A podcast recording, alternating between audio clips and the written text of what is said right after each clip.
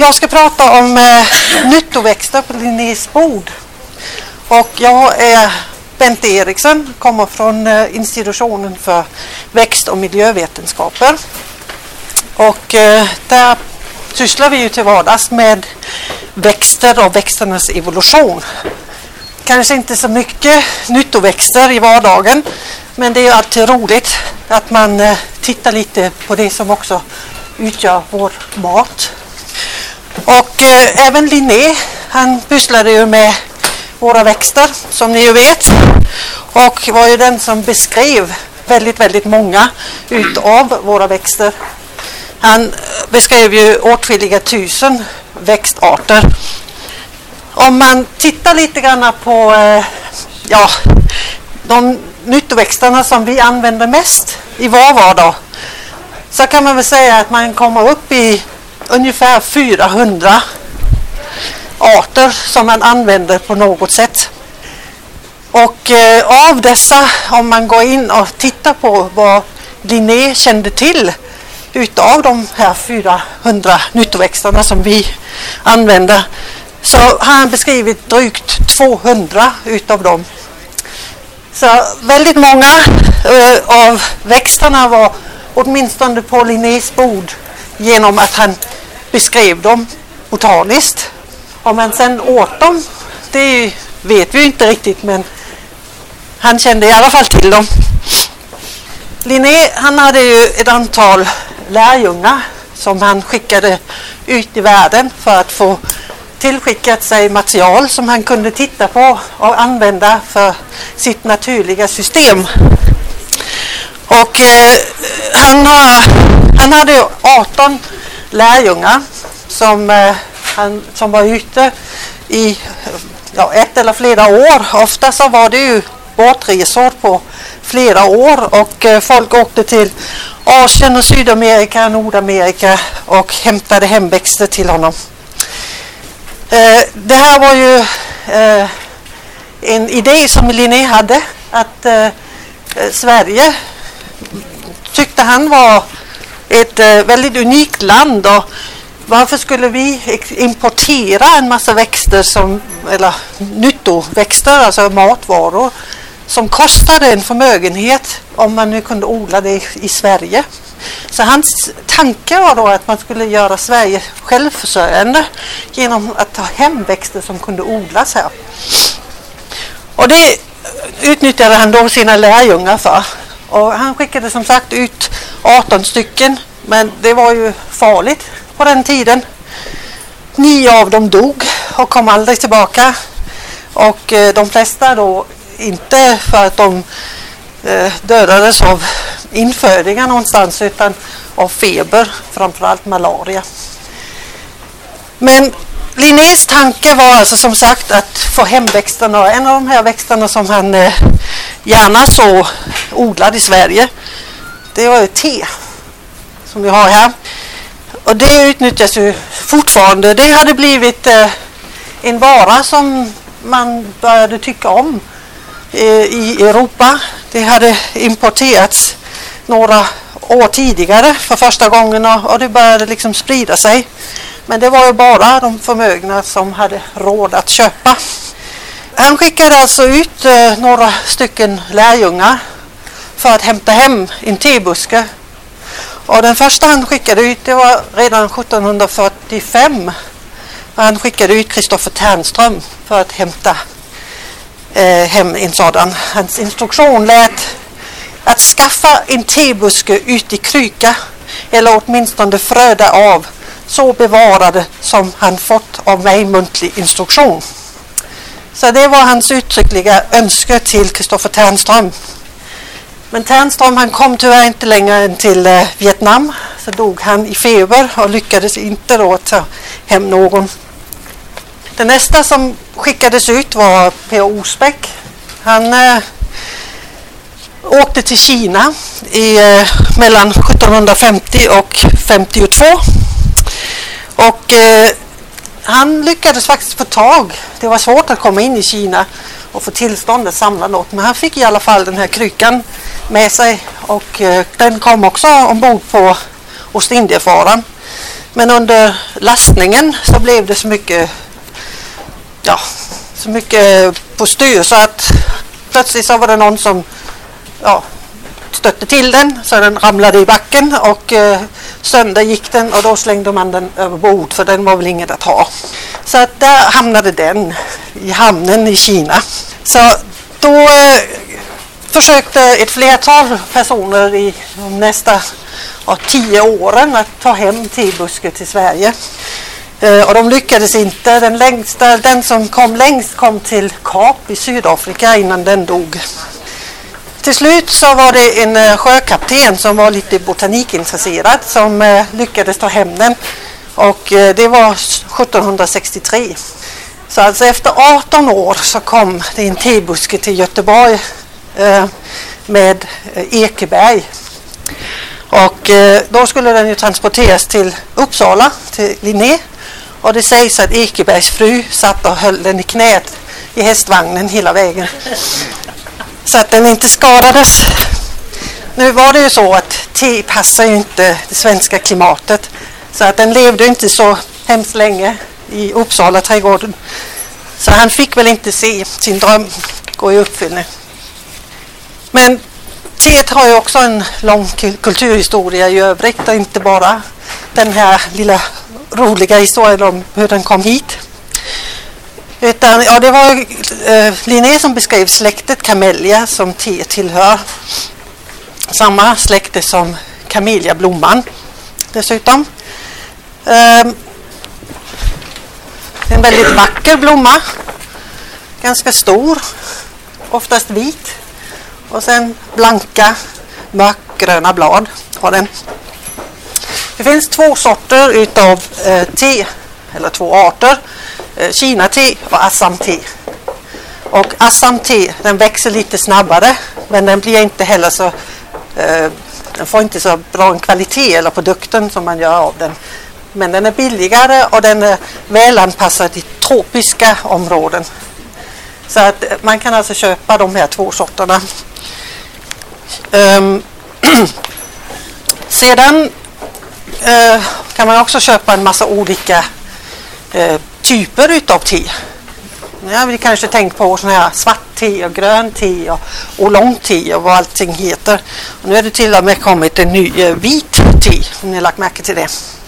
I ursprungslandet Kina så har man alltså odlat den här växten i, i alla fall sedan ja, 2700 år tillbaka och började dricka te där. Ehm, och då drack man mest grönt te. Och grönt te de har man hettat upp snabbt och sen torkat. Och där finns alla um, ämnena kvar som fanns i, i växten. Men de blir inte så bittra heller.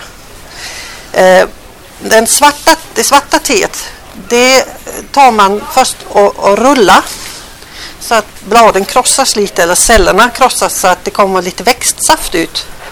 Och den här växtsaften den reagerar med syret i luften så det sker en, en oxidation.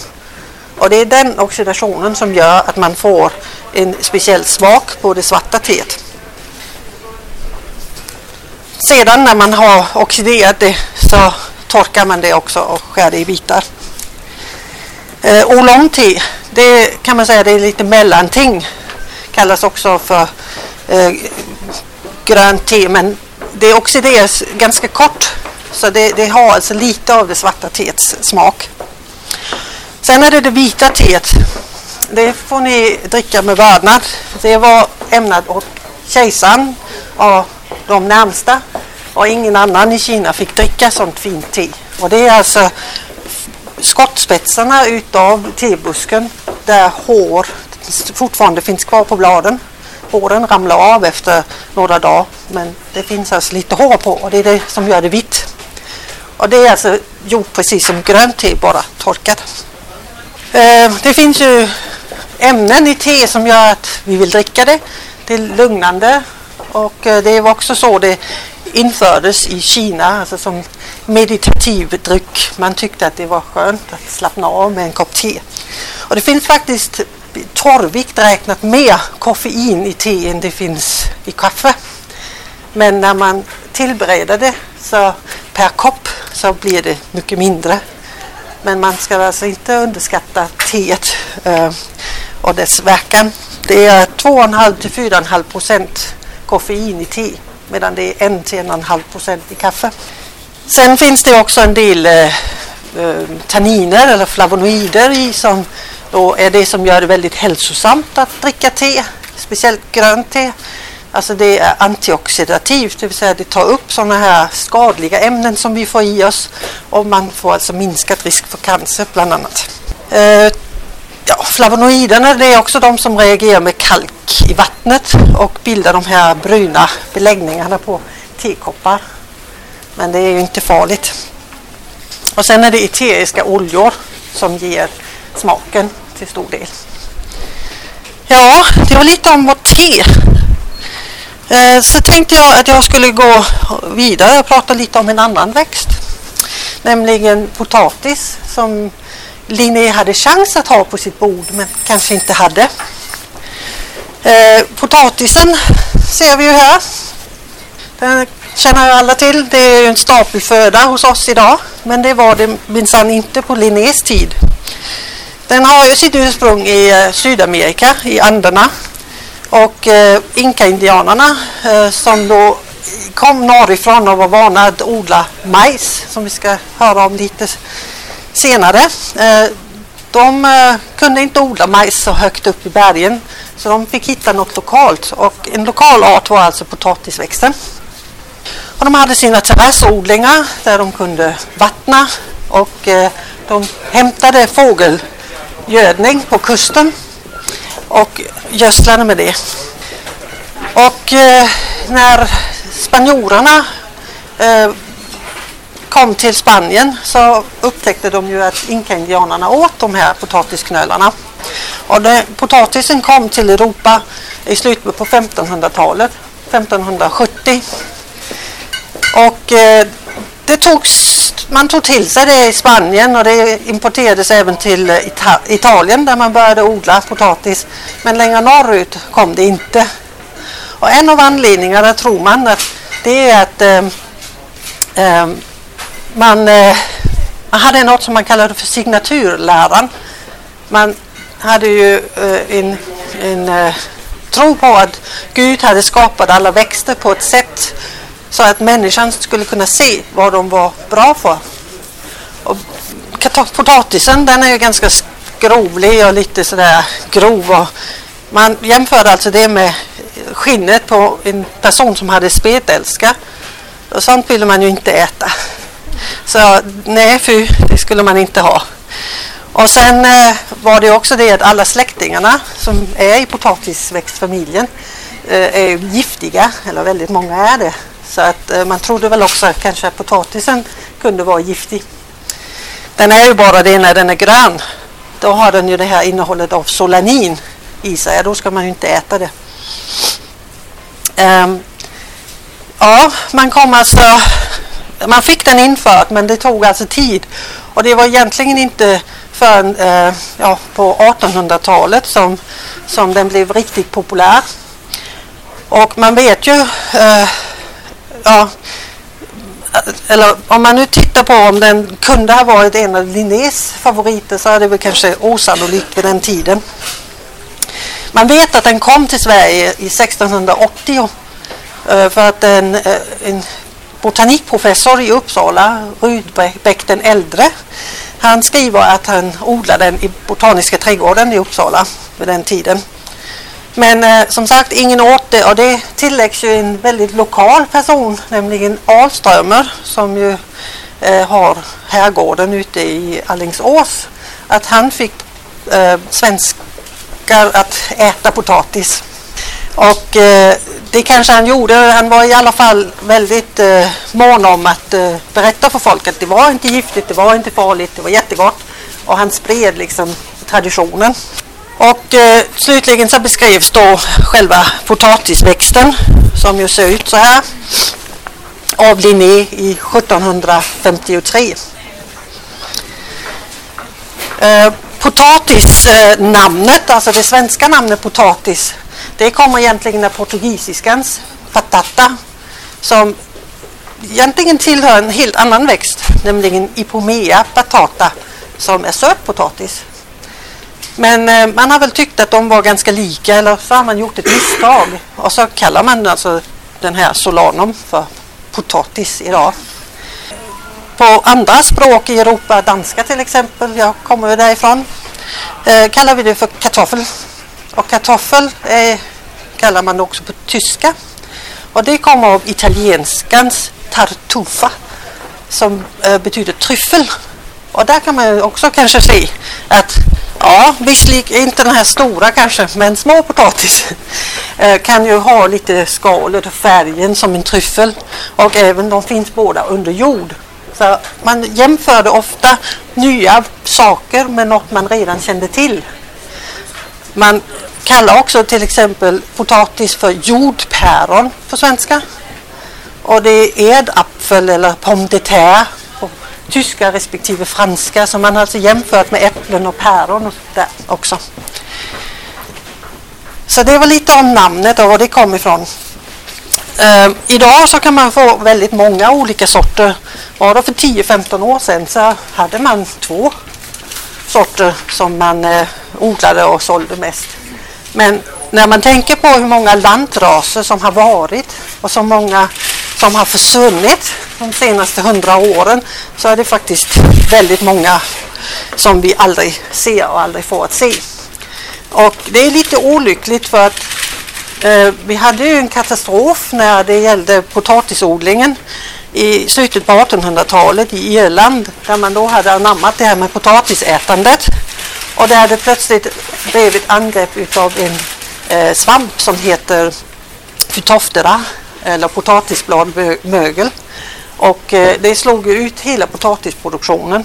Och det var en av anledningarna till att så många eh, irer åkte till USA. Alltså den stora utvandringen startade på grund av det. Idag har man lärt sig att bekämpa potatisbladmögel. Men det kan man bara så länge att de inte förökar sig med eh, eh ja, sexuell väg. Alltså bara gör kloner. För då kan man nämligen lära sig att ramma just precis dem.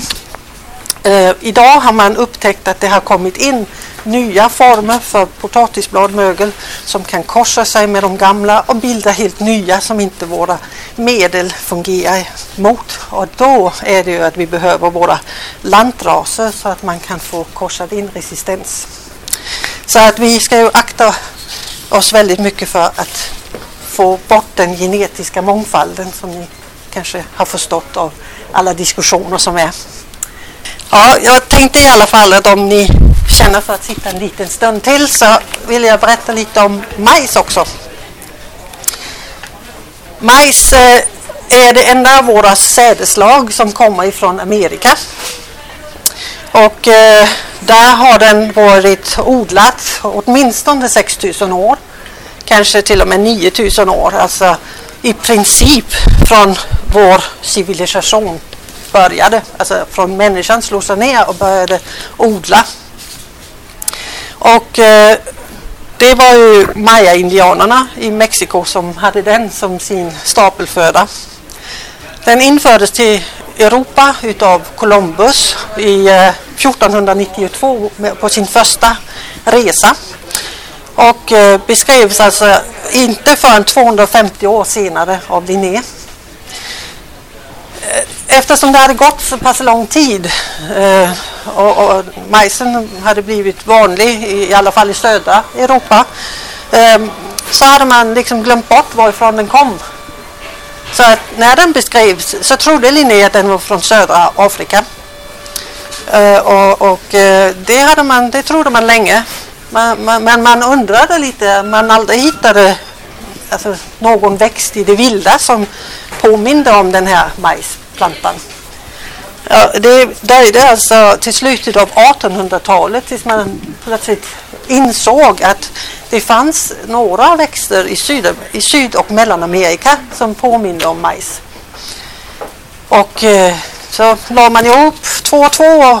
Ja, då var det nog faktiskt ett fel att den, inte, den kom inte från Afrika utan från, från eh, Karibien. Och det vet man ju idag att det gör den. Men man undrar fortfarande väldigt mycket eh, vad det var som eh, har hänt med majs eh, rent odlings eller alltså, utseendemässigt eh, ifrån den vilda arten för att man kan, det, det har hänt så många förändringar i och med att man har börjat odla att man nästan inte känner igen den. Den vilda majsplantan kallas för teosinte. Det är nahuatl-indianernas namn för gudarnas korn. Och den vilda majsen eh, den är grenig så alla eh, där det sitter majskolvar på vår odlade majs så sitter det sidogrenar. Så det blir en helt annan typ av växt. Och alla sidogrenarna har hanblomställningar. Det är de här tofsarna här uppe i. Det är hanblomställningar. Det har de i alla eh, i toppen utav alla sidoskott också. Och sen sitter då hornblommorna på sidoskott på grenarna. Och de här hornblomställningarna som blir till våra majskolvar de eh, är bara, de består bara av två rader med korn inte 8 eller 16 som det är på den moderna. Och eh, det har man forskat i sedan 70-talet för att försöka förstå vad det är som har hänt rent genetiskt med dem. Men man har alltså kunnat rekonstruera det här och eh, det har alltså varit en, en, eh, en vad ska man säga, ett könsbyte i eh, växtvärlden Nämligen att den hanblomställningen som satt i toppen på sidogrenarna långsamt genom att de har dragits ner mot huvudstammen har blivit mer och mer hånliga och alltså slutligen är den majskolven vi har idag. Och alla de hornblomställningarna som satt på sidoskotten har försvunnit och eh, nu har man bara så här, stödbladen till dem och det är den här ja, det är de här bladen så här inne mellan de här bladen så sitter det eh, hornblomställningar som har aborterats bort kan man säga. Så det här är alltså stödblad till de blomställningar som inte blir av. Eh, ja, så eh, normalt sett så äter vi ju det här som en grönsak, kokar det och bara äter det som karanka på jul. Och eh, det kanske också Linné har gjort. Men vad han inte har gjort i alla fall, det vet vi. Han har inte ätit cornflakes. Det kommer nämligen först på, eh, på 1800-talet. Och det var en eh, eh, två bröder eh, i Michigan i USA. Bröderna Kellogg. Och det namnet känner ni nog igen. Jag ska inte reklamera här. Men eh, de, höll på, de hade, eh, den ena var, eh, brodern var eh, läkare och hade ett sanatorium. Och den andra eh, brodern var då mer ja, uppfinnare, ingenjör. Och de hjälpte varann och de skulle alltså hitta något hälsosamt som sanatoriegästerna kunde äta. Som inte bara var vitt bröd. Och då experimenterade de lite med vete. Så de blötte upp vetekornen och så hade de en vals och så körde de igenom det. Så blev det någon grötig massa och så bakade de det till några kakor. Det kan man, kan man nästan säga som knäckebröd eller något sånt. Och det skulle då de här gästerna äta som var mer hälsosamt än när man maler vitt mjöl. Eh, sen en dag när de höll på så fick de ett, eh, eh en utryckning skulle ut och eh, hjälpa någon som var sjuk och då fick de lämna alltihopa. Och när de kom tillbaka så eh, var det ju nästan förstört för de här de hade ju halvtorkat och de visste inte riktigt vad de skulle göra med de här vetekornen men de tänkte ah, vi kör i alla fall.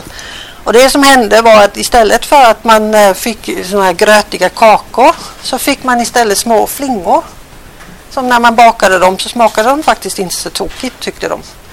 Och det var där idén föddes.